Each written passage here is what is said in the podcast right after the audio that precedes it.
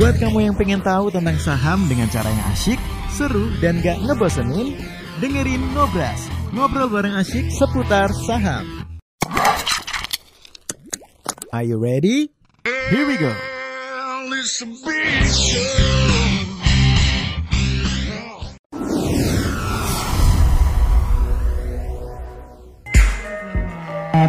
Uh, sore menjelang malam ya Sobat investor semuanya bagaimana kabarnya? Sehat ya? Kami berdoa biar semua sobat investor tetap sehat, tetap semangat, semuanya dalam kondisi yang baik-baik saja, bahkan semoga semuanya dalam kondisi yang teramat sangat baik. Dan senang sekali pada kesempatan sore hari ini ada Indra Bani boleh menjumpai Anda tentunya dalam acara klinik pasar, suatu tempat di mana Bapak Ibu semuanya sobat investor untuk bisa men-sharingkan apa yang mungkin sedang dialami oleh hatinya seputar trading dan investasi. Ketika mungkin hari-hari ini rasanya kok IHSG masih masih belum menentu rasanya. Kalau begini jadi bingung nih mau trading apa atau mungkin sudah trading dan kok rasanya tidak jadi seperti yang saya harapkan. Boleh banget share langsung aja nih sebagai investor atau mungkin yang pengen bercerita tentang wah hari ini saya sangat cuannya banyak banget nih. Boleh banget juga diceritakan untuk menginspirasi uh, sobat investor yang lain. Pastinya tidak sendirian, saya bersama dengan Bapak Fat Aliansyah Budiman dan Bro Gilbert yang ada di Jakarta. Selamat sore Pak Fat, selamat sore Bro Gil. Sore. Selamat sore Mas Indra. Yes, bagaimana kabarnya? Alhamdulillah baik. Baik-baik saja. Nah, nah Monggo langsung dimulai saja Bro Gil dan Pak Afan nih kira-kira apa yang akan disampaikan nih buat sobat investor pada sore menjelang malam ini. Silakan. Oke. Okay. Uh, eh, selamat sore Bapak Ibu sekalian. Jadi seperti biasa uh, klinik pasar kita mulai ya. Uh, biasanya kalau misalnya kita apa ya pas pasarnya buka nggak terlalu banyak pertanyaan ya. Tapi kalau misalnya pas pasar tutup biasanya itu baru muncul pertanyaan-pertanyaan yang aduh salah nggak tadi ya saya beli? Aduh salah nggak tadi saya jual ya? Aduh harusnya saya tahan nih aduh kok tiba-tiba pas saya lihat indeksnya di luar malah jadi merah nih sekarang nih saya harus ngapain? Ini yang sering sering terjadi kalau misalnya kita itu uh, pasarnya udah keburu tutup bapak ibu. Nah ini uh, kalau keadaan seperti ini kalau seandainya Anda ada yang ingin tanyakan atau mungkin masih ragu atau mungkin ada yang mengganjal gitu ibaratnya ya. Aduh, saya kayak salah nih kayak dibeli ini. Apa salah nggak ya? Aduh, gimana nih harus ngapain nih? Anda bisa ngobrol di sini, kita diskusi. Semoga kita bisa memberikan gambaran lain lah.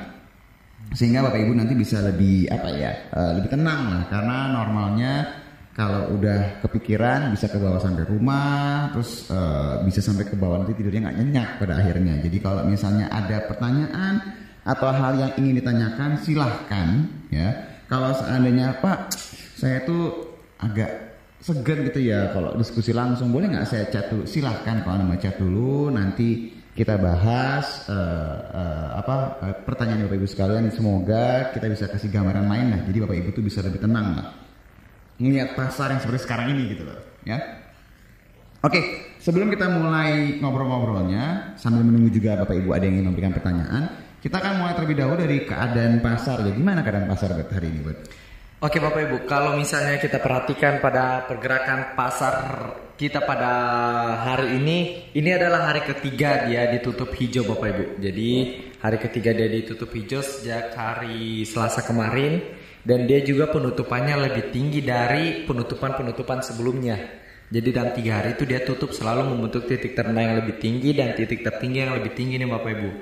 Tapi kalau kita perhatikan di sana ya penutupan pasar kita pada hari ini ditutup plus 0,58% di 6071. Nah, 6071 itu adalah area dari resisten MA 100-nya nih.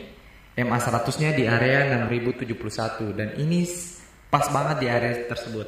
Kalau seandainya dia besok kuat, kalau seandainya dia besok kuat ku, tutup di atas, berarti semakin menarik nih untuk yang si indeks kita. Karena kalau kita lihat dari chart yang 60 menit, tanda-tanda dia mulai perlahan membalik, uh, membaik, ini semakin semakin kuat nih Bapak Ibu. Jadi untuk support paling dekat, support paling dekat kalau dalam chart 60 menit ini di area 6050 dia nggak boleh lagi di bawah 6050 supaya dia bisa uh, menjaga momentum untuk kenaikannya nih Bapak Ibu. Kalau dia udah bermain di bawah 6050 lagi, wah berarti kurang oke lagi nih yang untuk yang indeks kita. Kemudian kalau kita lihat dari saham-saham yang penggerak indeks sejauh ini BCA BCA memang turun nih Bapak Ibu turun agak signifikan 1,84 persen. Tapi kalau kita perhatikan BBRI sebentar. Uh, BBRI saya ingat saya naik 3 persen nah 3,57 persen. Kemudian BMRI masih minus 0,79 persen. Ada Unilever plus 1,1 plus 1,15 persen. Telkom minus 0,29 persen, Astra minus 0,47 persen. Jadi sejauh ini yang menahan indeks, kalau yang kita perhatikan ya Bapak Ibu ada BBRI, HMSP juga menahan indeks, dan juga di sana Unilever Bapak Ibu yang sejauh ini memang menahan indeks. Menggerakkan indeks lah ya. ya. Karena indeks hari ini nggak merah ya Bapak Jadi kalau misalnya kita lihat uh, beberapa saham penggerak pasar hari ini itu ada di BRI jelas karena kenaikan itu cukup signifikan ya untuk saham blue chip ya Bapak Ibu. Terus juga tadi ada Unilever, tapi Unilever ini penutupannya uh, lebih rendah lah daripada titik tertinggi dia sebelumnya. Kalau Telkom tadi gimana, Bro? Telkom minus. Telkom minus ya? Telkom minus. Meskipun kalau misalnya kita lihat Telkom masih kejaga di area konsolidasi sih. Jadi sebenarnya Telkom tuh masih menjaga secara tanda kutip uh, apa ya momentumnya dia lah ibaratnya. Jadi belum uh, apa belum kelihatan sesuatu yang mengkhawatirkan lah untuk saat ini. Nah kalau misalnya kita lihat tadi juga untuk si uh, eh, BCA coba buka lagi buat BCA Nah untuk BCA sendiri sebenarnya kalau kita perhatikan uh, hari ini membentuk titik terendah yang sebenarnya hampir sama dengan beberapa hari yang lalu. Jadi kalau kita lihat uh, ini sebenarnya ciri-cirinya hampir sama kayak BRI sih Bapak Ibu. Bisa jadi BCA ini agak terlambat, besok malah yang turun gitu ya. Jadi kalau misalnya kita lihat BRI sebelum hari ini naik, Anda bisa lihat bahwa dia turun. Sore. Sore Pak uh, ikut nimrung nih. Oke. Okay. ya saya uh, member baru ya. Oke okay, Pak, ya. Oke Pak. Ya dari Kota Bogor. Oke. Okay. Uh, Dengan Pak siapa Pak? Saya belum ya. Dengan Pak siapa? Budiman, Budiman. Oke. Okay. Okay. Pak. Uh, member disabilitas oh. network. Oke, okay. baik, baik, Pak. Pak. Gimana, gimana, Pak? Gimana bisa iya, Pak? Ya saya sih belum belum mulai ya, masih masih belajar nih ilmunya nih. Iya pak ya pak. Masih denger denger gitu. Tapi penasaran juga nih masalah uh, kode ENRG ya. Oke, okay, energi ya. Iya, 5G itu ya, iya apa ya? Uh, energi pak maksudnya? Energi. Energi ya. mega persada. Oh iya iya. Iya. Iya, gimana pak? Iya yang info yang saya terima itu dia um, masalah ini ya uh, proyek 5G betul nggak ya? Proyek 5G 5G. Oh gini pak, uh, untuk si 4G 5G. Oke, okay, kalau untuk energi ini dia kebetulan ini kan energi mega persada ini dia lebih ke arah uh, minyak dan gas ya pak, bukan bukan ke infrastruktur untuk iya bukan infrastruktur telekomunikasi. Mungkin kalau misalnya berhubungan dengan infrastruktur telekomunikasi itu ada Telkom, uh, Friend mungkin Pak ya, Friend atau Indosat atau XL Pak. Yang memang dia uh, kok bisnis utamanya itu lebih ke arah infrastruktur telekomunikasi Pak. Tapi kalau misalnya bertanya itu adalah energi mega persada itu lebih ke arah perusahaan yang punya bisnis utama itu di minyak dan gas. Iya pak. Gitu minyak pak. dan gas. Betul. Arahnya ke per, Pertamina apa Pertamina kah atau itu ya atau? Uh, jadi dia itu uh, bisnis uh, apa ya kalau boleh dibilang ya, pekerjaan lah ya dia tuh ngebor minyak nah nanti minyaknya dijual pak kliennya macam-macam sih pak ya uh, jadi uh, lebih fokusnya tuh ke industri minyak dan gas bumi pak kalau untuk hmm, ENRG pengolahan teknis itu ya. Iya. Yeah. Yeah. teknis itu. Uh, memang fokusnya di sana dia Pak sama melakukan penjualan sih Pak. Jadi uh, dia juga jualin juga sih hasil uh, produksinya ya, hasil pengeboran minyaknya Pak. Gitu. Ba Bapak ini baru mulai, baru mau mulai kira-kira memilih perusahaan apa gitu kalau boleh tahu Pak? Saya sih di uh, Telkom ya, satu Telkom mungkin yang apa favorit saya tuh Telkom terus apa namanya hmm, E- ENRG ya boleh gitu Oke. itu termasuk juga Mhm. ENRG terus agro Oh, Oh, berarti. Bapak udah beli ya Pak ya?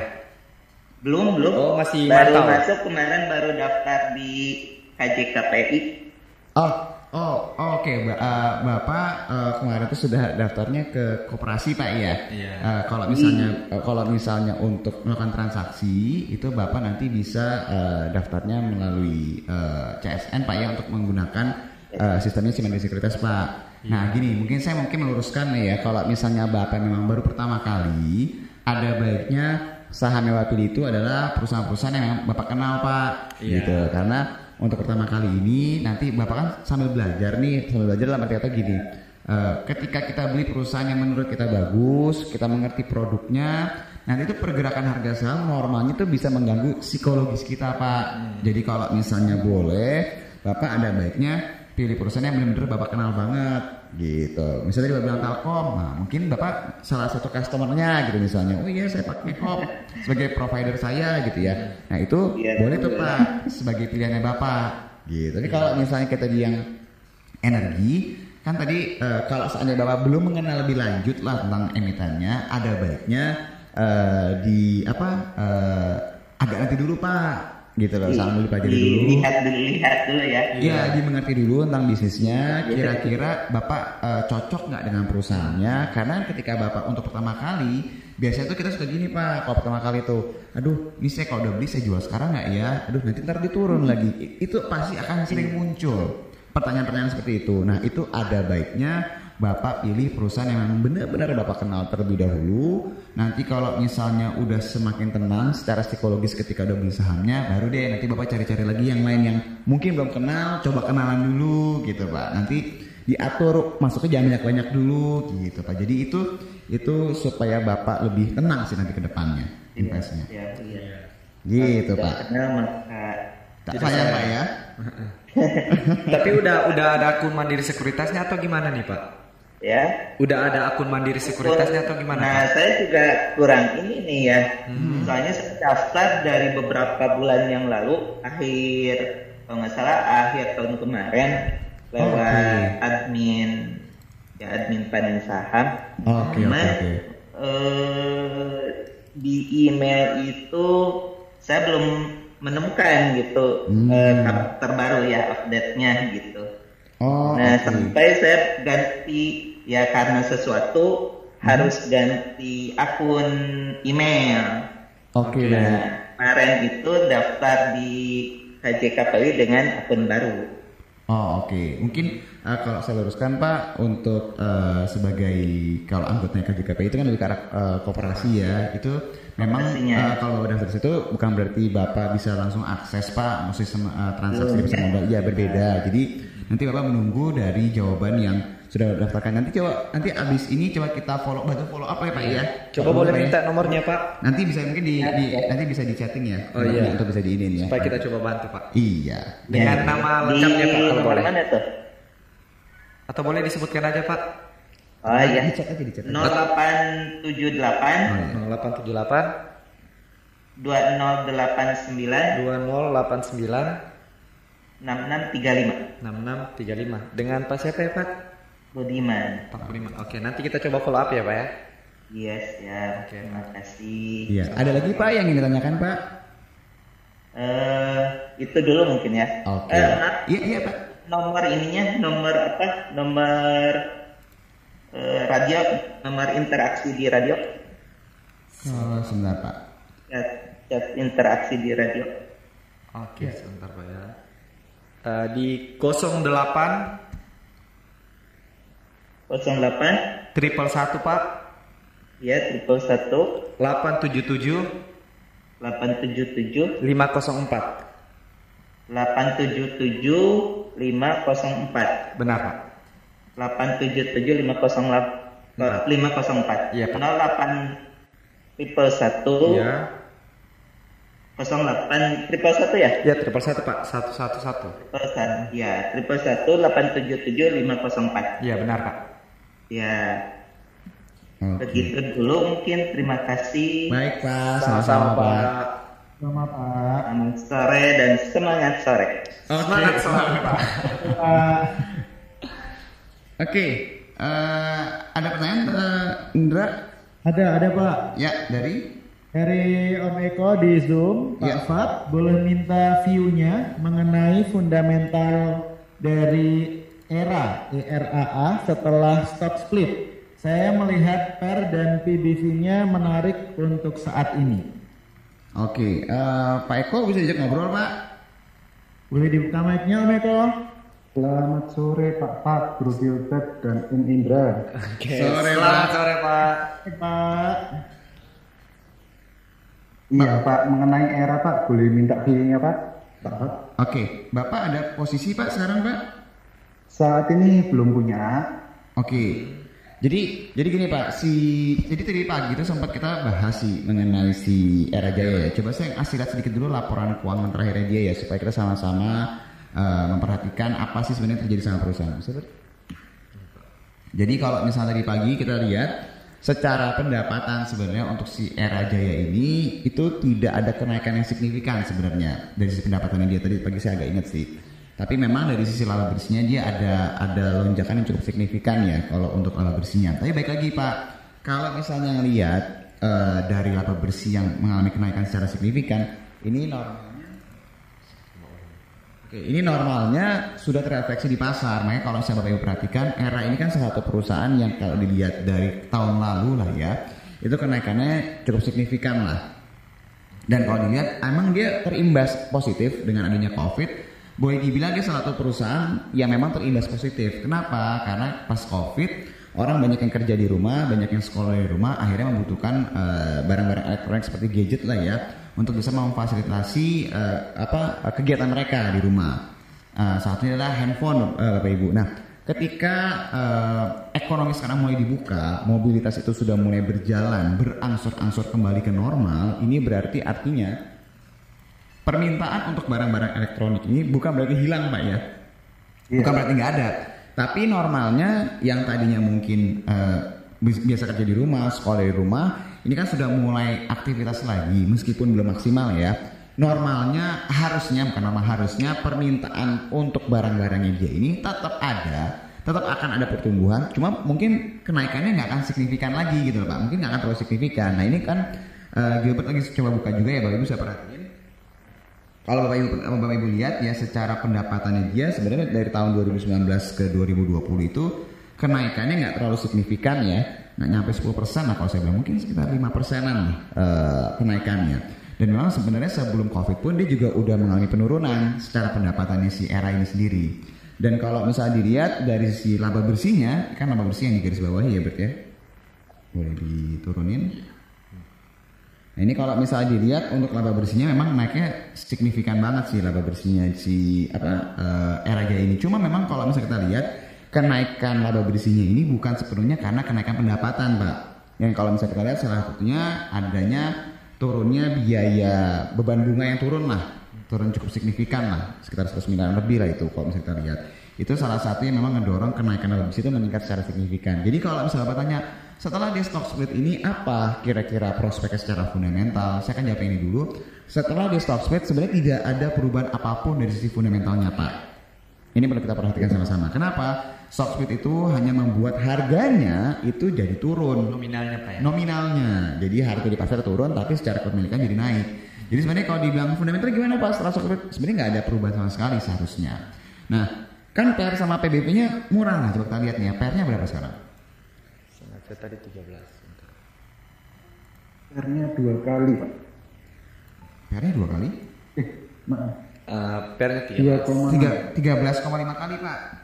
Oh, PR-nya.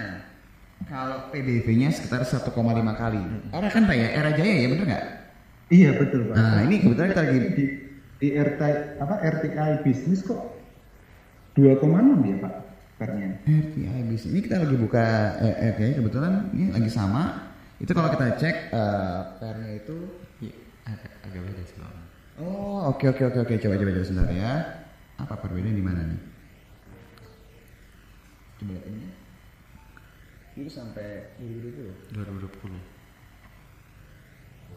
Oh, oh, Oke oke oke oke. Ini agak berbeda ya angkanya ya. Ini dulu.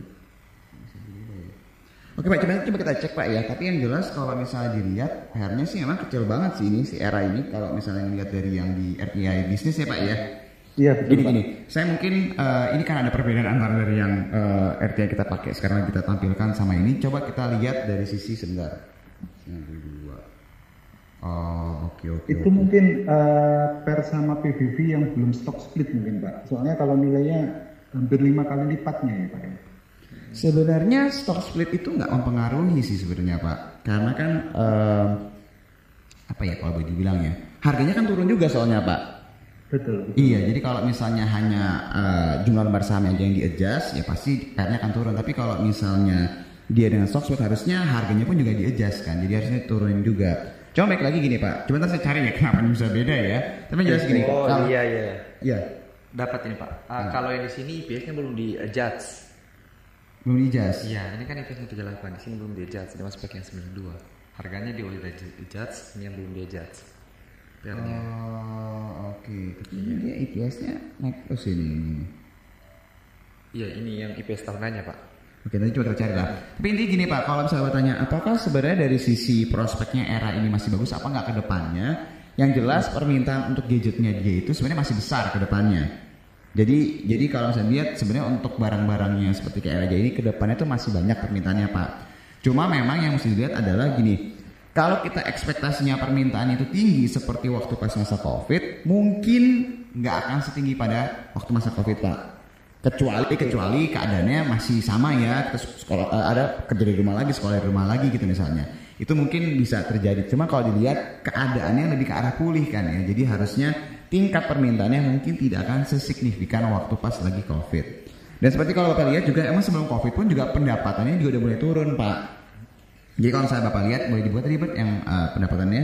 Ini yang sebenarnya mungkin ya mungkin ya yang ngedorong si era jaya ini eh, mulai merambah ke apa eh, ada dia mau buka kayak counter gitu untuk eh, perawatan kecantikan namanya face shop. Ya setahu saya dia pengen buka eh, it- eh, lebih ke arah sana gitu. Cuma itu baru tahapannya lagi lagi lagi dipersiapkan setahu kami. Itu mungkin salah satunya juga karena memang kalau dilihat secara pertumbuhan pendapatannya mungkin belum ada kenaikan yang signifikan lagi. Jadi kalau bapak tanya kira-kira gimana? Prospeknya? Prospeknya masih oke tapi secara pertumbuhan bisa jadi tidak sesignifikan waktu pas zamannya covid pak dan bisa dilihat juga era jaya ini kan distributor ya pak ya distributor ini tuh eh, apa ya eh, marginnya tipis banget Iya. Ya, betul, jadi kalau misalnya ada perubahan atau mungkin nanti misalnya eh, ada flash sale gitu ya, itu mungkin bisa ngurangin marginnya cukup besar sih. Kalau seandainya eh, permintaannya nggak sebanyak seperti tahun lalu, tapi ternyata dia mungkin simpen banyak gitu barang-barangnya misalnya kayak gitu. Itu sih Pak kalau untuk si Era Jaya. Chartnya gimana Pak?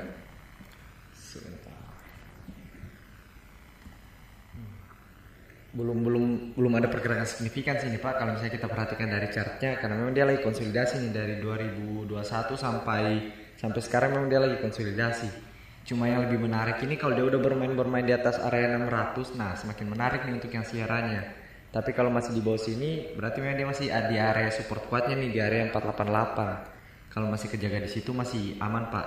Cuma kalau dia udah break di bawah situ wah berarti kita harus antisipasi lagi nih di 430-an gitu Pak Ini kalau misalnya ngelihat chartnya, ini koreksi, eh, ini, ini bisa jadi kayak kayak salah ya Pak ya. Tapi kalau melihat momennya itu pas dia rilis laporan keuangan, dia rilis itu bagus angkanya, tapi angkanya lebih bagus yang di angka bawahnya yaitu di angka laba bersihnya. Terus dia naik sempat kencang tadi setahu saya, tapi tutupnya nggak bagus lah. Boleh gede. Jadi ini biasanya kalau kayak gini kalau udah laporan keuangan udah rilis, sudah price in atau sudah terrefleksi lah di pasar. Jadi kalau Bapak udah punya posisi belum Pak di eranya Pak? Saat ini nggak punya Pak. Hmm. Cuma, eh, saya tadi cuma melihat ini aja sih. Per sama PBB-nya di RTI bisnis itu kan kalau saya lihat PBB PBB-nya memang benar 0,3 dan pernya 2 kan berarti termasuk murah banget kan kalau kalau untuk ukuran era gitu loh Pak. Hmm. Nah, Eh, tapi gini Pak, baik lagi ya eh, mengenai masalah per PBV ini. Terkadang orang kita lihat, oh ini murah nih, tapi kok saham bisa nggak gerak-gerak gitu, atau mungkin saham bisa turun lebih dalam lagi. Kenapa? Belum tentu juga per yang tinggi itu juga tergolong mahal, karena pasar tuh punya caranya sendiri dia ngelihat sih. Nah ini kalau saat, sekarang ini Pak tahun ini, ini berbeda dengan tahun lalu. Dan sepertinya pasar itu melihat kira-kira perusahaan mana yang punya kemungkinan dari sisi eh, laba bersihnya itu bisa di-upgrade, Pak. Maksudnya gimana?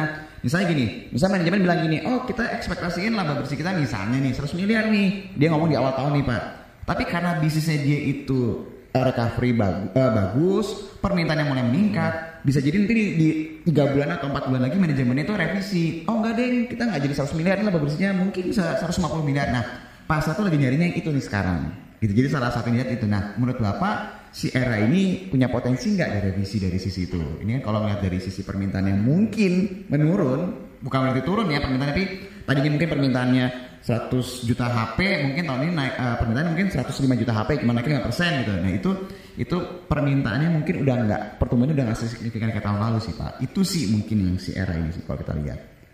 Jadi kalau punya posisi mungkin agak nunggu mungkin lebih bagus sih pak. Kalau sekarang Iya. Memang untuk saat ini sih saya masih wait and see Pak. Cuman tadi kan melihat pagi kan ada kenaikan lumayan sebenarnya sampai 7 persen. Terus akhirnya turun lagi kan. Gitu. Iya. Iya. Secara teknikalnya sih mungkin saya masih and see belum, belum berani masuk. Cuman eh, saya ingin tahu secara fundamental aja sih tadi Pak. Gitu. Kurang lebih segitu sih Pak fundamentalnya. Jadi mungkin ada bagusnya agak nunggu agak nunggu dulu lah Pak. Paling dia sentimen terdekat tuh ini sih biasanya kan eh, apa ya hari raya ya. Eh, orang biasanya ganti handphone tuh. itu sih momentum jangka pendek sih itu sih Pak paling kalau untuk gereja ya. Baik Pak. Oke Pak. Ya, terima kasih Om Eko. Terima kasih juga Pak Fat, Bro Gilbert sama Om Indra. Sama-sama Pak. Selamat sore, selamat sore. Selamat sore Pak. Sore, Pak. Selamat sore. Ada pertanyaan dari WhatsApp ini Pak Fat. Oke apa pertanyaannya? Dari Ibu Gardenia di Surabaya. Yes. Sebelumnya saya punya WSKT dan telah cut loss karena harganya terjun bebas. Mhm. Dan sekarang saya mau beli lagi melihat narasi ke depannya. Mhm. Nah, manakah yang bagus WSKT atau PTPP untuk investasi nanti? Apakah di harga sekarang dekat MA 200 sudah bisa dibeli? Maaf saya masih di kantor tidak bisa ngobrol cukup dengar saja. Terima kasih ya Pak dan tim. Baik Bu Gardenia, oke Bu. Kalau misalnya dilihat dari sisi cerita ke depannya, eh, dua-dua sebenarnya gini, perusahaan-perusahaan konstruksi ini eh, sebenarnya ceritanya masih panjang ya eh, dari sisi pembangunan ibu kota, SWF dan segala macam. Cuma kalau tanya mana yang lebih menarik antara PTPP sama Waskita gitu misalnya. Sebenarnya salah satu yang membuat Waskita ini terjunnya lebih kencang ya, benar lebih kencang daripada PTPP turunnya kan beberapa waktu yang lalu ya. Iya, iya kurang lebih ya lebih kencang daripada PTPP karena memang si was kita ini diekspektasikan tuh dia bisa mendivestasikan asetnya tuh lebih cepat. Gitu. Jadi harapannya kalau dia bisa cepat eh, jual asetnya dia, dia itu bisa cepat langsung mungkin bayar-bayar eh, hutangnya atau mungkin untuk keperluan untuk modal kerjanya lagi. Tapi ternyata kalau dilihat divestasinya itu belum maksimal. Jadi kayak dari dari beberapa bulan terakhir ini mungkin hanya angkanya jauh banget lah dari target lah kalau misalnya kita lihat nih Bapak Ibu. Nah, jadi kalau misalnya tanya mana nih apakah waskita atau PTPP? Kalau dilihat kalau sampai nanti eh, divestasinya itu bisa berjalan dengan lancar, sebenarnya lebih menarik itu waskita. Kalau divestasinya itu bisa berjalan dengan lancar ya, karena apa? Dia punya banyak aset tuh jalan tol bu. Nah jalan tol ini yang sebenarnya lagi dicari sama investor-investor luar atau mungkin dari SWF yang versi Indonesia ini. Tapi kalau misalnya ibu tanya di antara dua ini mana yang lebih menarik dari sisi neracanya yang lebih sehat, saya harus bilang boleh dibuka tadi yang si PTPP. Harusnya sih PTPP. Secara kesehatan keuangannya Pak ya. Ya, secara kalau misalnya dari sisi daerahnya tuh si PTPP. Nah, cuma kekurangannya adalah gini. Kalau seandainya divestasinya waskita itu berjalan dengan baik, dia pasti yang akan naik kencang duluan. Dan kenaikannya akan lebih kencang daripada yang lain. Tapi kalau ternyata divestasinya mundur lagi, nah dia berarti turunnya masih bisa uh, masih ada nih penurunannya. Meskipun kalau ngomong dari sisi teknikalnya dua-duanya itu mulai agak ketahan ya. Ketika dua-duanya ketahan ini biasanya harusnya ada rebound dulu sih. Reboundnya nggak nggak uh, nggak nggak sedikit harusnya akan ada rebound lumayan sih. Makanya kalau bapak ibu perhatiin kita ngebahas masalah konstruksi itu dari beberapa waktu yang lalu. Ini harusnya ciri-cirinya udah mulai ketahan nih. Nah mungkin baru kenaikannya baru dua hari terakhir inilah. Gitu bu. Jadi kalau ibu karakternya sukanya yang misalnya gini, turunnya kenceng nggak apa-apa, asal naik kenceng, was kita. Tapi kalau yang turunnya agak kencang, naiknya agak kencang PTPP sih kalau sekarang sekarang. Jadi ada yang kencang sama agak kencang nih. Gardennya sukanya yang mana nih? Ini ini balik lagi ke eh, karakternya ibu. Gimana kalau misalnya saya itu ambil keputusan, tapi saya nggak nggak mungkin salah pak. Milihnya gimana? Kalau mau tahu gimana caranya, beli dua-duanya. oh iya dong, karena gini, kita nggak ketinggalan momentum dari si was kita kalau tiba-tiba dia naik, PTP pun juga nggak dapat. Tapi kerugiannya adalah kalau ternyata misalnya was kita lebih kencang, ya hasil kenaikannya nggak lebih kencang karena ada PTPP-nya, gitu sih bu. Jadi bisa diakalin sih. Bisa ibu misalnya, oh ya saya sukanya yang naiknya kencang banget, turunnya kencang banget, berarti ibu punya was kita aja. Tapi kalau aduh saya jantung saya udah cukup lah dengan was kita, saya mau yang agak lebih inilah dari sisi neraca lebih sehat lah, TPP. Tapi naiknya nggak terlalu kencang atau turunnya nggak sekencang was kita, harusnya seperti itu. Tapi kalau mau jangan sampai kehilangan dua-duanya momentumnya, beli dua-duanya bu. Gitu Bu Garin ya. Semoga menjawab ya Bu ya. Jadi Ibu sambil kerja bisa sambil senyum-senyum. Oh ya saya tahu nih harus ngapain. Eh, bisa konsentrasi lagi kerja ya Bu. Oke Indra. Ya. Ya, terima kasih Ibu Garunia dan semoga menjawab tadi ya. Ya. Karena, eh, ini ada.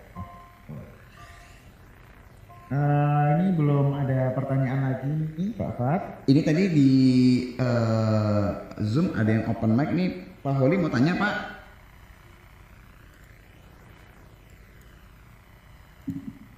Raja bos, Kenapa? Raja, Raja, Raja. sore. Raja. Oke, eh, Pak Holi ada posisi sekarang Pak. Ada dari kemarin.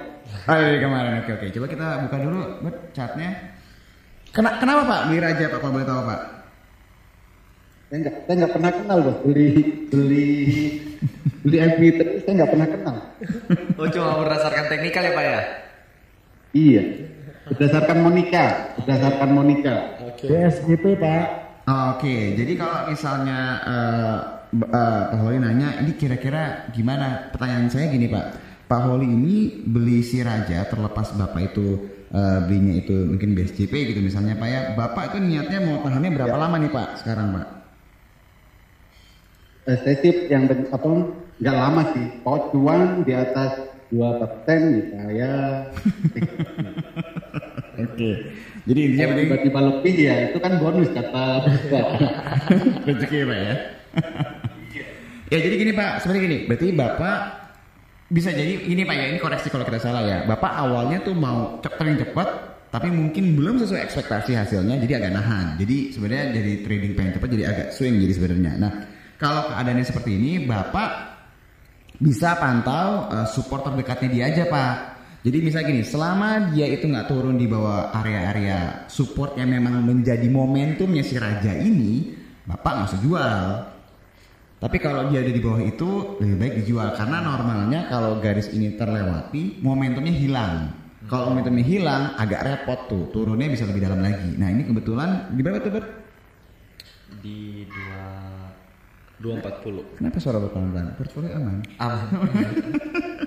Dua empat puluh. Dua dua empat puluh pak. Jadi kalau misalnya eh, dia masih ditutupnya di atas dua empat puluh kayak sekarang sebenarnya masih aman gitu. Cuma gini, cuma terkadang ada ada mereka yang gini pak. Saya nggak tahu bapak seperti apa ya. Ah saya jual dulu deh. Lebih ntar turun turun turun turun turun terus. Sebenarnya kalau udah swing itu kita akan terbiasa ngeliat portfolio kita itu di bawah harga pembelian tuh biasa selama di atas harga pembelian, eh selama di pembelian, selama di atas harga support kuatnya atau support yang memang menjaga momentum, bapak nggak perlu jual sebenarnya. Tapi kalau misalnya bapak eh, apa mau, mau, mau memastikan 240 itu sih pak support kuat untuk jaga momentumnya pak Holi. Ke- eh, kalau misalnya bapak pengen tahu perusahaannya apa, ini perusahaan eh, gas ya, distributor gas. Dia juga lagi mau kerja sama sama Pertamina ya kalau saya nggak salah, Pertamina Gas kalau saya nggak salah kemarin itu. Untuk bangun itu. Ya dan kalau misalnya Bapak mau baca lebih detail lagi, ada Pak, kita opininya udah rilis beberapa hari yang lalu lah ya. Bapak tinggal ketik eh, Raja, itu ada tuh opininya dari kita Pak mengenai si Raja ini seperti apa. Gitu Pak Holi. Oke, satu lagi bos. Silakan. Eh, saya kan lebih lebih apa? fast track ya. Nah, kalau yang Pak maaf Pak, ah, kedengaran suaranya Pak. cek cek Ya, ya, ya. cek cek Pak. sound Oke. jelas ya. Jelas Oke. Pak, jelas.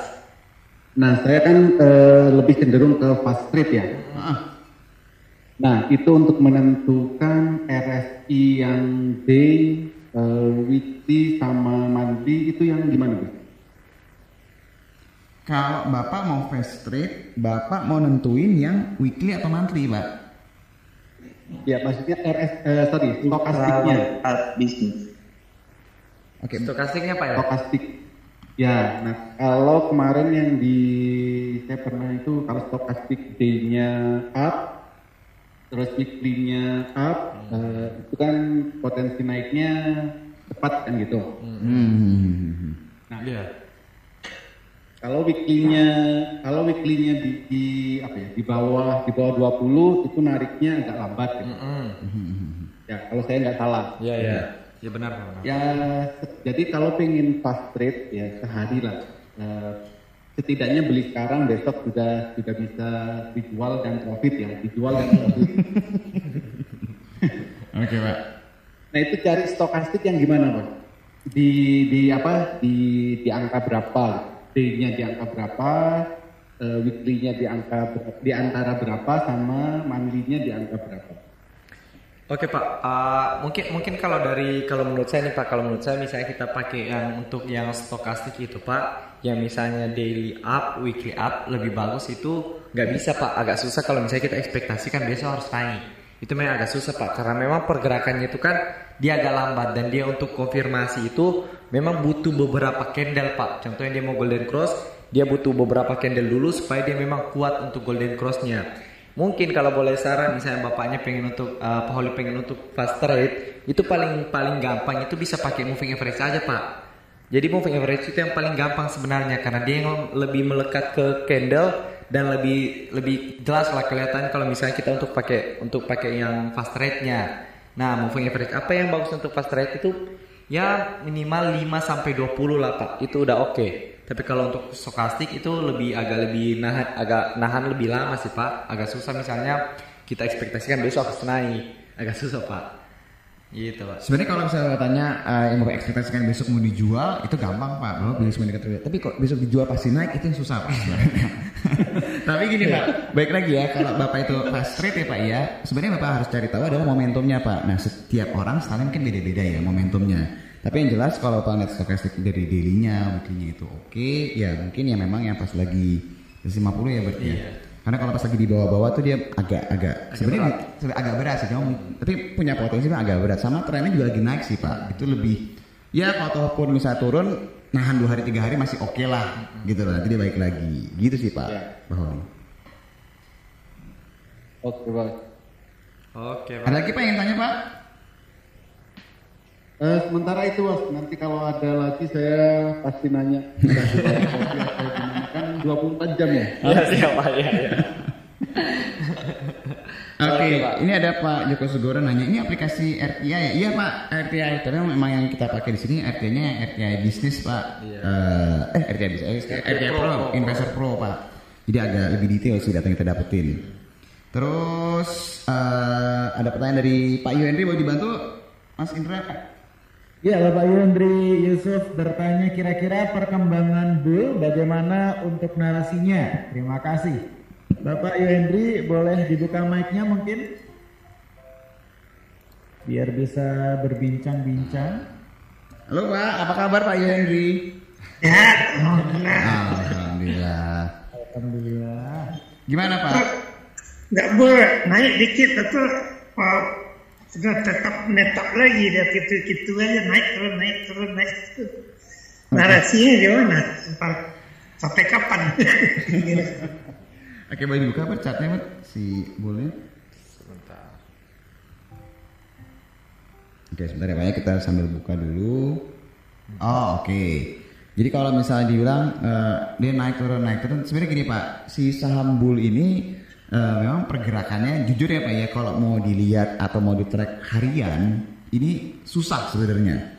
Saham bull ini adalah saham yang kalau misalnya kita lihat nih cocoknya emang lebih ke arah di dibeli terus di holdnya memang agak butuh waktu beberapa waktu ke depan lah. Karena pergerakannya agak susah kalau buat di, dicek tiap harian. Meskipun bilang dibilang pak ini bulannya gede loh pak dia liquid loh pak. Iya memang dia termasuk saham yang liquid sebenarnya. Cuma memang kalau kita suka perhatikan kalau hanya berdasarkan itu aja, dia itu emang sering beberapa kali cuma transaksi besar itu di beberapa harga. Nggak tahu sih hari ini kayak gitu apa enggak ya? Benar nggak? Ah iya kan, bener kan dia di sini harga doang kan gedenya kan. Jadi dia emang kayak gitu pak. Jadi saya harus jujur ya pak ya kalau untuk nge-track eh, lihat cat hariannya dia itu susah sebenarnya untuk untuk untuk bull. Jadi kayak benar-benar ya ya terserah kapalnya mau melaju ke mana gitu pak. Tapi kalau misalnya dibilang dari sisi narasinya, sebenarnya kalau misalnya bapak eh, sempat Henry sempat ngecek ya, waktu saya sempat bukain materi public expose-nya si Bull sendiri, itu mereka tuh sebenarnya optimis bahwa 2021 tuh masih oke sebenarnya eh, dari sisi eh, kinerjanya si perusahaan ini sendiri pak.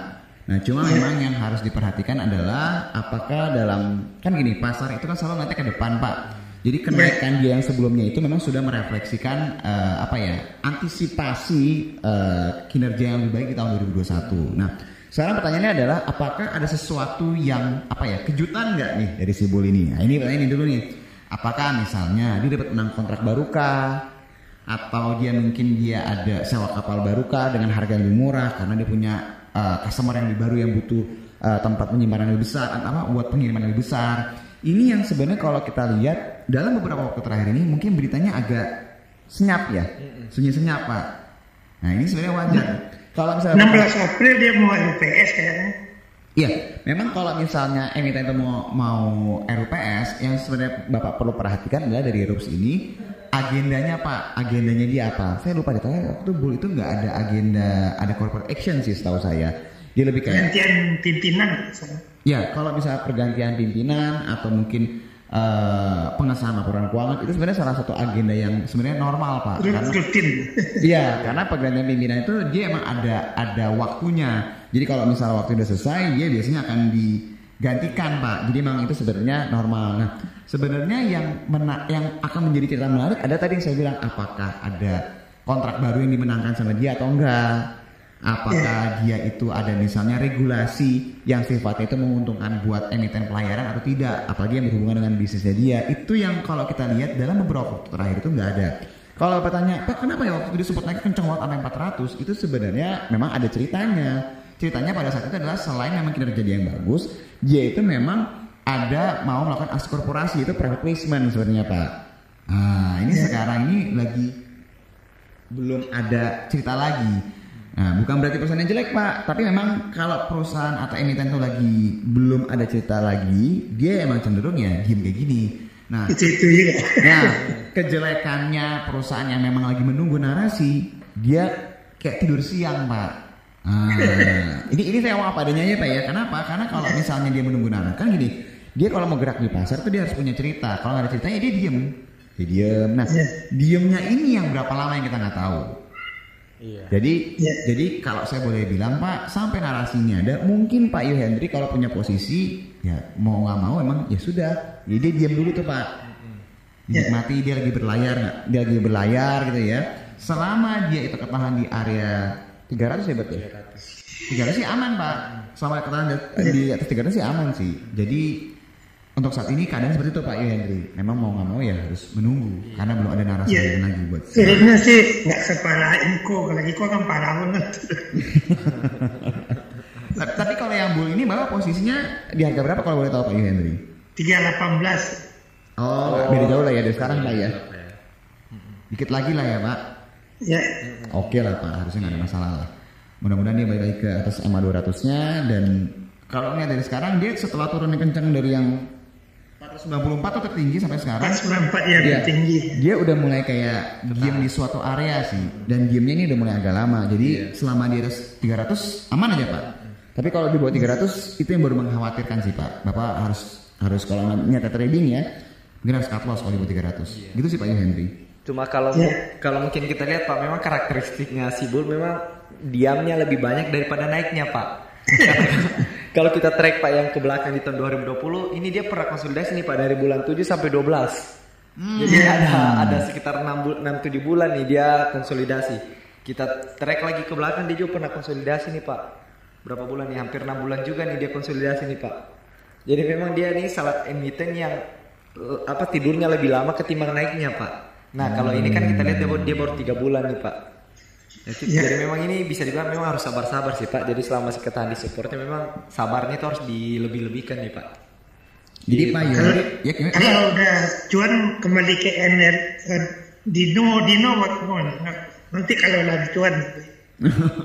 Jadi sebenarnya gini Pak, kalau misalnya Bapak ada posisi selama waktu Pak, oh nggak masalah deh, eh, dia eh, diem lama sampai 300, saya juga nggak mau trading cepat, ya sudah didiemin nggak masalah Pak. Cuma memang mesti lihat adalah tidur panjang itu bukan berarti dia mau naik Pak. Ini saya ngomong apa adanya ya, tidur panjang itu bisa jadi dia turun juga Pak. Nah jadi Bapak harus perhatiin si 300 itu Pak, disiplinlah di angka 300 itu. Kalau Dino sebenarnya dia baru hari ini keluar laporan keuangan. Nah, keluar laporan keuangan, sana langsung naik, terus ya nggak turun. Normalnya kalau laporan keuangan udah rilis itu berarti kan sudah mencerminkan atau sudah merefleksikan kinerja dia kan. Nah, dia hari ini nggak turun nih. Saya nggak tahu apa Iya. ada cerita lanjutan lagi. Karena setahu saya red isunya belum belum ada kabar lagi. Nah, apakah mungkin ada lanjutan dari red isunya itu yang mungkin kita tunggu sih Pak.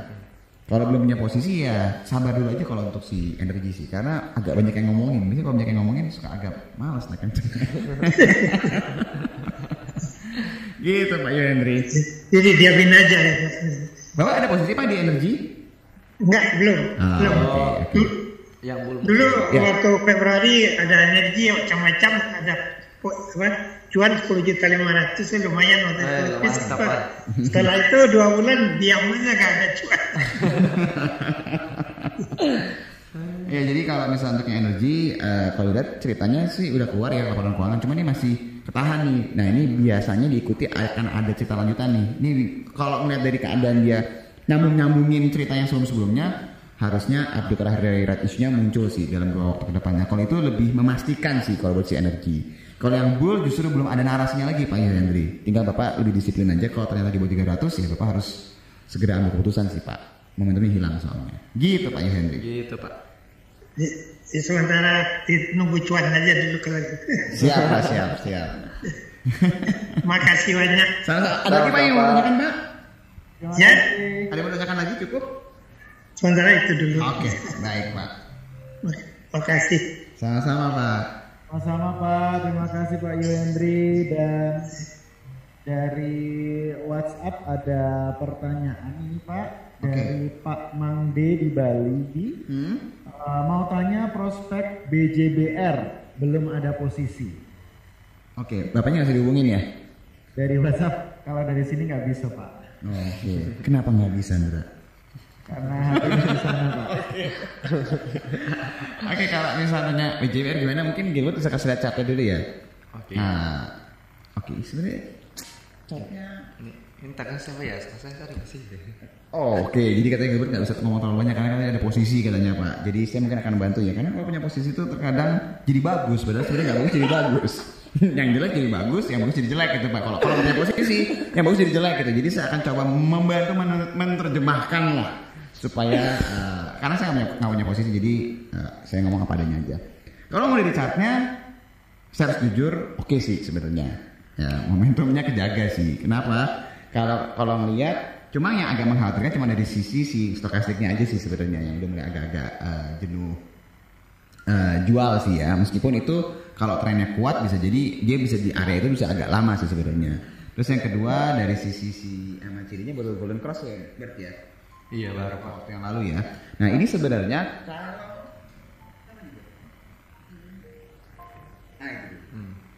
kalau selama si BJBR ini tutupnya, tutupnya ya Pak ya, tutupnya di atas 1500 1500 lah, 1500 sampai 1500 1520 itu berarti si BJBR masih jaga momentum kenaikan Pak. Nah pola-pola seperti ini kalau dia naik, naik terus dia naik terus dia diem, ini sebenarnya adalah ciri-ciri pola continuation atau pola kelanjutan lah. Ini saya bukan berarti bilang pasti naik loh Pak. Ya, ini lompat ini bukan berarti pasti naik ya, tapi ciri-ciri pola kelanjutan dari sisi kenaikan trennya. Ini sebenarnya yang baru kejadian kayak gini tuh persis banget BPKP sih sebenarnya. Coba satu BPKP. Nah, ini maksudnya nih. Ini ini ini, ini pola pola kelanjutan kayak gini nih Pak. Jadi dia habis naik terus dia turun, turun itu turun yang konsolidasi menjaga momentum. Nah, habis itu dia lanjut lagi tuh. Itu yang maksudnya tadi saya tuh polanya si BJBR tadi kayak gitu. Oh, balik lagi ke BJBR. Nah, ini. Jadi selama dia tutupnya di atas 1500 sampai dengan 1520, jadi artinya gini, Pak kalau dia tutupnya 1515 gimana? Masih aman. Tapi kalau dia tutupnya udah 1490, nah itu udah Iya. selesai tuh ceritanya. Tapi ada momentum loh dia nih Pak. Ah, dividen ya. Iya. Nah, ya lu punya posisi jadi lu ada momentumnya. Nah, jadi kalau misalnya dia bilang apa cerita dari narasinya, narasinya benar pembagian dividen Bapak Ibu. Jadi bank daerah itu memang kalau bagi dividen itu selalu besar, ya. Jadi kalau misalnya lihat boleh lihat Hebat, kata nggak dia rajin bagi dividen. Kasih lihat nih rajin bagi dividen Bapak Ibu nih. Dia sama BJTM itu adalah perusahaan atau bank daerah lah ya saya ngomongnya yang selalu uh, bagi dividen dan biasanya dividennya juga jumlahnya tuh besar dari sisi dividen per lembarnya ya. Jadi kalau misalnya harganya sekarang mungkin yieldnya potensinya juga lumayan. enam persen. Coba lihat yang rasio. Nah ini kalau misalnya kita lihat dari sisi payout ratio-nya nih DPR-nya Bapak Ibu, dividen payout ratio-nya dia selalu ada 50% nih Bapak Ibu. Nah pertanyaannya adalah Pak dia bayar dividen emang bisa? Emang dia ada uangnya nih? Dia salah satu bank yang kalau Bapak Ibu perhatiin secara performa malah naik coba kita lihat laporan keuangan uh, terakhir nih agak-agak levelnya saya nggak boleh salah sih Hmm. bener nggak ah Naik ya Pak. Eh, secara interest income-nya naik kan kan? Interest eh, dari sisi pendapatan bunganya dia naik, dari sisi Pendapatan net bunga bersih. interest income-nya pun juga naik gitu loh. Laba bersihnya naik ya? Naik. Nah, laba bersih juga naik. Kenapa kok dia bisa naik? Padahal banyak bank-bank yang sebenarnya malah mengalami penurunan, Pak. Kok hebat bisa ya? Karena memang dia itu menyalurkan kredit, hampir semua yang disalurkan kredit itu besar itu dari PNS, Pak, Bapak Ibu. PNS itu digaji sama sama pemerintah, di mana kemungkinan pemerintah itu nggak bayar gaji PNS itu kecil pas keadaan kayak COVID kemarin.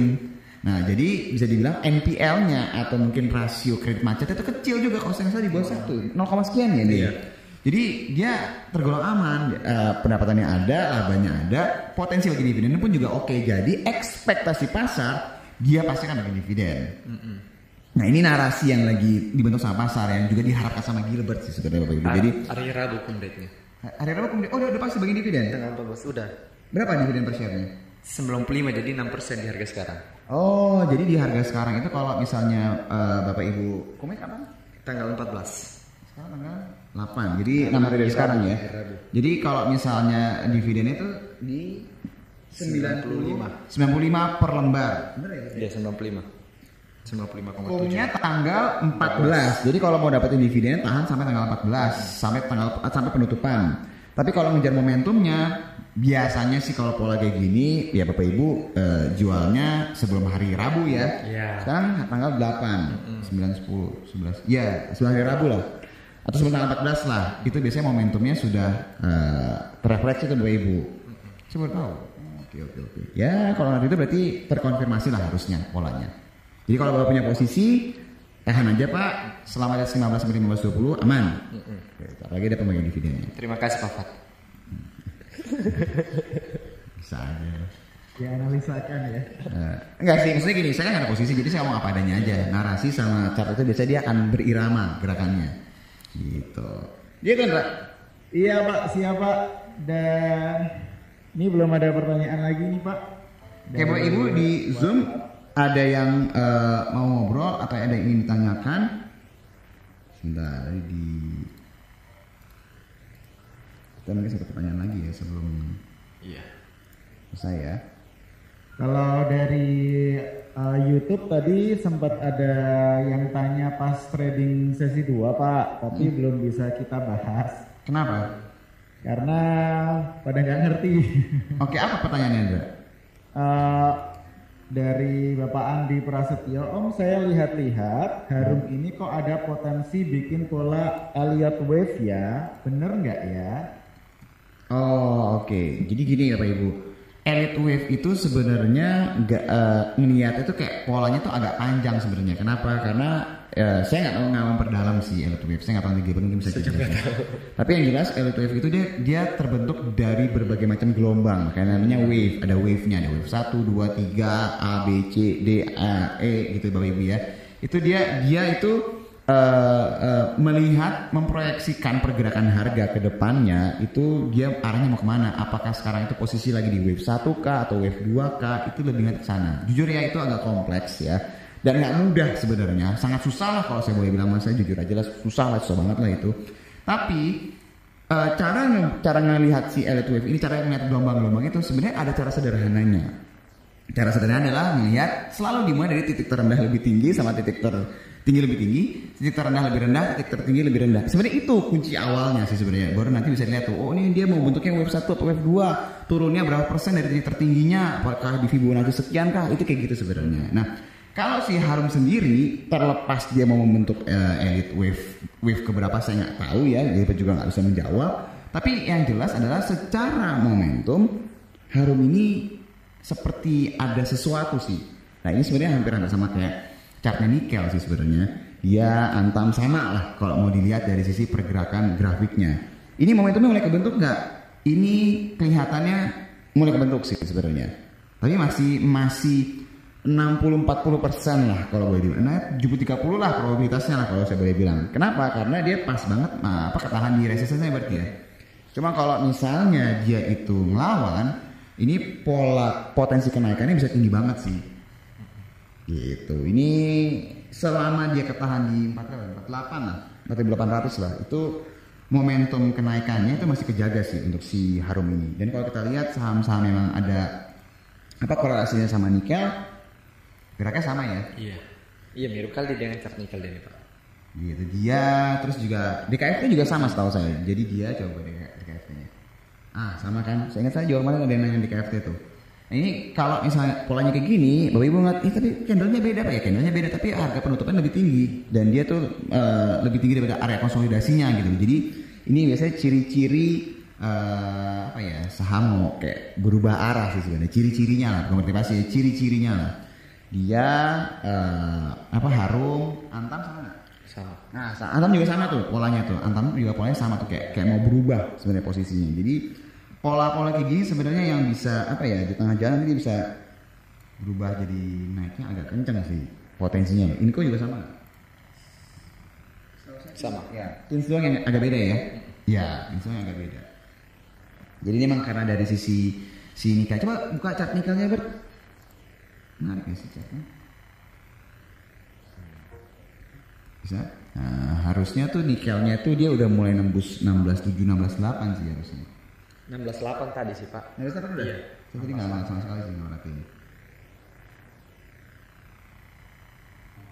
ini uh, nah 16 oh iya 16.8 iya iya benar-benar ini sih yang jadi alasannya kenapa semuanya geraknya mudah-mudahan yang punya antam di harga atas gitu ya mulai berangsur-angsur pulih lah uh, potential lossnya ya. Nah, ya persis tuh. Gerakannya sama banget nah gerakan sama persis tuh uh, Indra orang lihat ya ini bapak ibu juga yang punya punya posisi si harga internasional nikelnya polanya iya polanya kayak lagi mau ngebreak gitu loh nah itu kalau misalnya ngebreak sih naiknya harus kenceng ya gitu mas Indra Siap. Satu pertanyaan dari Bapak Edwin Mulyawan. Antam kemungkinan nutup gap dulu nggak Pak? Oke, Pak Edwin ada posisi Pak? Boleh dibuka mic-nya mungkin Pak? Bisa diajak ngobrol Pak Edwinnya? Nggak bisa? Oh, apa tuh? Gak mau ah Mau.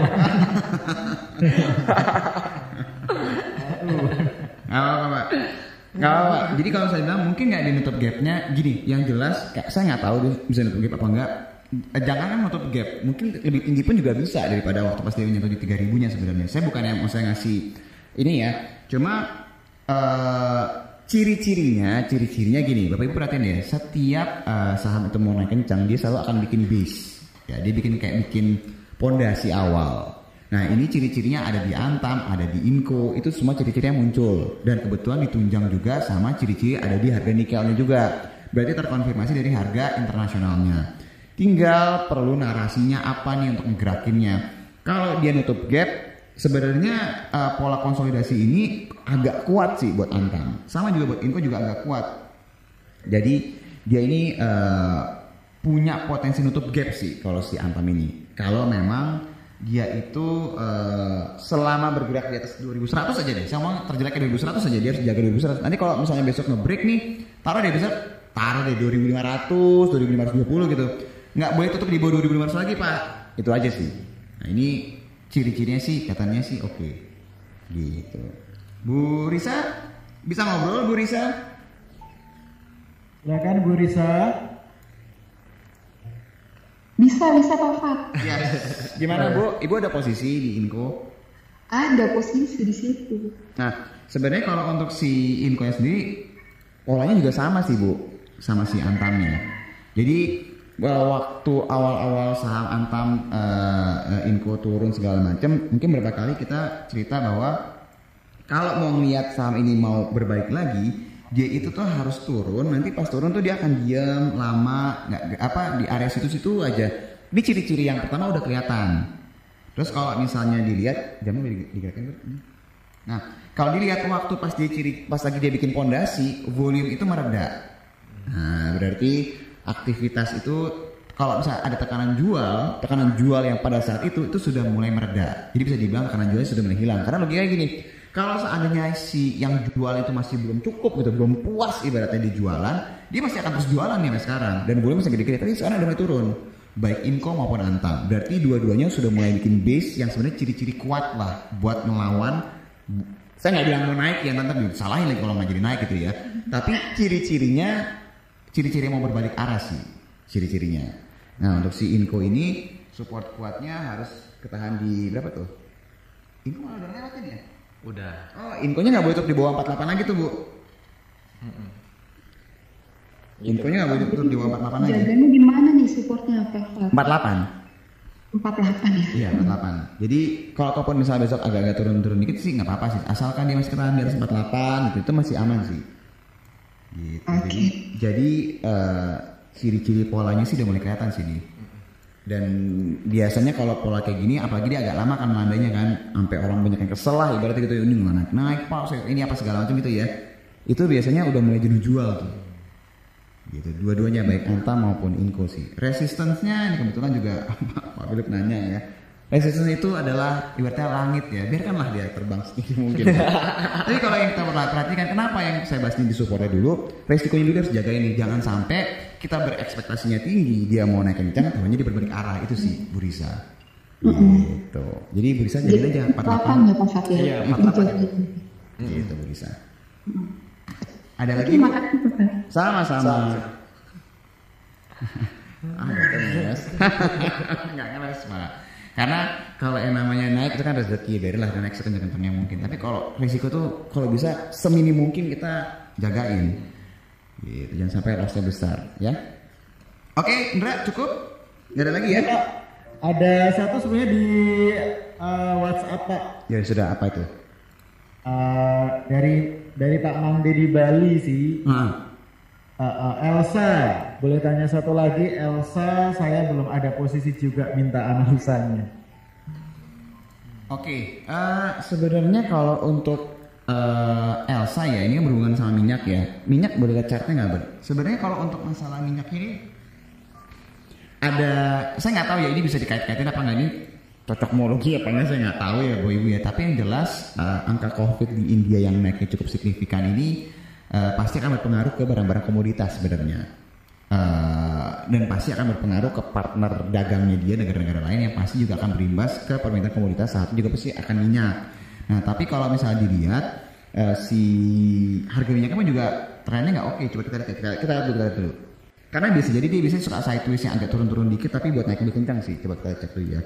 Karena kalau dilihat dari sisi harga minyak ini sendiri, ini lebih ditopang dari sisi apa pengaturan supply sih sebenarnya bukan demand. yang udah naik kencang banget tuh belum. Naik sih naik tapi belum yang kencang banget lah. Jadi masih harus diatur dari sisi supply-nya. Karena logikanya kalau demand ada balik supply-nya pasti udah dinaikin lagi gitu. Nah setahu saya dari sisi OPEC Plus itu udah mulai ada omongan bahwa supply-nya mau dinaikin.